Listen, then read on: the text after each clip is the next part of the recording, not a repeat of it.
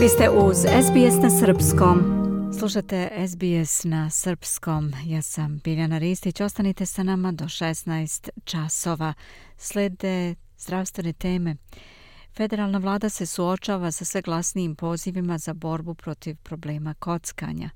Nova statistika o broju australijanaca koji se samo isključuju iz kockanja podstakla je na upozorenja na krizu javnog zdravlja. I wasn't aware of it I hadn't um, been educated around it and like many Australians. Majka šestro dece iz Kambere, Kate Seselja, kaže da je kockanje dominiralo njenim životom tokom 40 godina. Nisam bila svesna toga, nisam se dovoljno obrazovala o kockanju i kao i mnoge australijance to me je zaslepelo na način koji je duboko uticao na moje poimanje same sebe. Uticao je na moje blagostanje, moje samopoštovanje. U Australiji smo bili preplavljeni ogromnom količinom reklama koje normalizuju ovu aktivnost, koja je zapravo štetna i dizajnirana da stvara zavisnost. Ova reklama ide ruku pod ruku sa obsesijom australijanaca sportom. Online klađenje bivalo je sve popularnije posljednjih godina, a sada se više od 18.000 australijanaca upisalo u nacionalni registar samo isključenja pod nazivom Bet Stop. Velika većina njih je mlađa od 40 godina. Ministarka za socijalne usluge Amanda Rishford kaže da je sjajno videti veliki uticaj i korišćenje Bet Stopa i da je to dopunjeno obaveznom preverifikacijom koja pomaže da se osigura da ljudi ne pronalaze za obilazna rešenja za klađenje. Uprkos tome što je registar široko prihvaćen, profesorka sa Univerziteta Deakin Samantha Thomas kaže da podaci pokazuju zabrinjavajući trend. Zabrinjavajuća stvar u vezi sa brojkama koje smo danas videli nije samo broj ljudi koji se samo isključuje, već i procenat onih koji su mlađe odrasle osobe. Ovo pokazuje da mi zapravo imamo krizu javnog zdravlja među našim mladim ljudima i da vlada treba da učini više da ih zaštiti.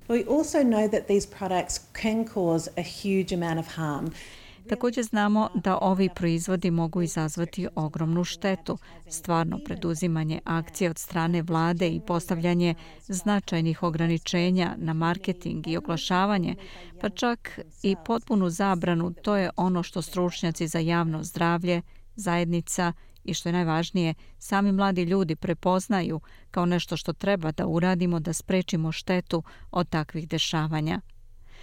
Štetu zavisnosti od kockanja osjetile su i multikulturalne zajednice.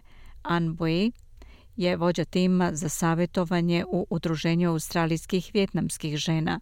Ona dve godine radi sa ljudima koji doživljavaju štetu od kockanja i kaže da je ta šteta širokog spektra. So the gambling harms is usually associated with financial harms. Šteta od kockanja povezana je sa financijskim štetama što je najuobičajenije među ljudima. Obično se ne radi samo o financijama, već više o međusobnim odnosima, mentalnom zdravlju, blagostanju, a također i porodična pitanja bih istakla iz mog iskustva.